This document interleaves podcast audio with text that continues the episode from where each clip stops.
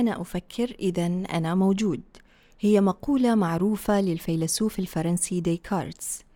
حيث كانت حجة ديكارتس هي أنه لم يكن باستطاعته التفكير والتساؤل حول وجوده لو لم يكن موجودا.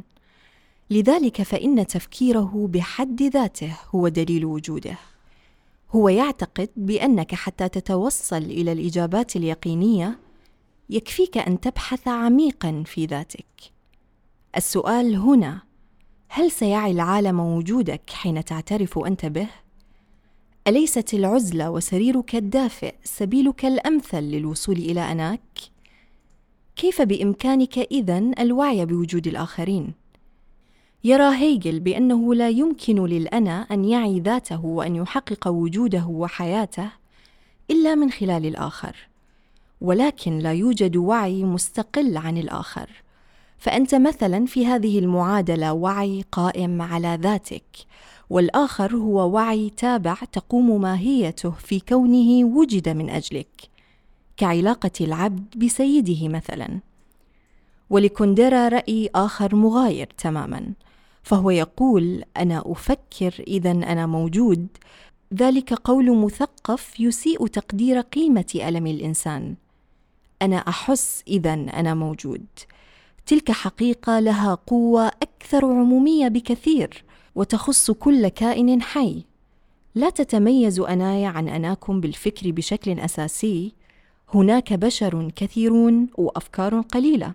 إننا إذ ننقل أفكارنا أو نقتبسها أو يسرقها أحدنا من الآخر نفكر جميعنا بالشيء نفسه تقريبا. أما حين يدوس شخص ما فوق قدمي فأنا وحدي من يحس بالألم. ليس الفكر هو أساس الأنأ بل الألم أكثر الأحاسيس أولوية. في الألم لا يمكن للقطة أن تشك بأناها الفريدة وغير القابلة للتبديل. عندما يصبح الألم حادا يتلاشى العالم ويبقى كل منا وحيدا مع نفسه. الألم هو المدرسة الكبرى للأنانية. بين هذه الآراء المختلفة هناك رجل أثبت أن الوجود لا شكل واحد له فهو وجد حين كان يعلم وهو وجد مرة أخرى حين كان يكتب ووجد مرة أخيرة حين استشهد.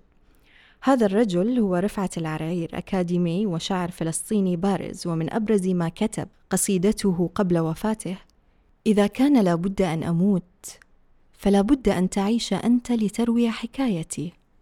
لتبيع أشيائي وتشتري قطعة قماش وخيوطا فلتكن بيضاء وبذيل طويل. كي يبصر طفل في مكان ما في غزة وهو يحدق في السماء منتظرا أباه الذي رحل فجأة دون أن يودع احدا ولا حتى لحمه أو ذاته. يبصر الطائرة الورقية طائرتي الورقية التي صنعتها انت تحلق في الأعالي. ويظن للحظة أن هناك ملاكا يعيد الحب. إذا كان لابد أن أموت فليأتي موتي بالأمل فليصبح حكاية. ذاكرتك ستبدأ بالاهتراء تدريجيا أو الأسوأ إذ تشوه أو أن تباد كليا. ولكن روايتك ستظل الشاهد الأول والأخير على وجودك. ما الذي شهدته في هذا العالم؟ وما هي أحداث حياتك العادية وشديدة الدهشة؟ دونها جميعا وشاركها ولتصبح حكاية. كانت معكم فاطمة يوسف في بودكاست استيقظ من قناة مساحة.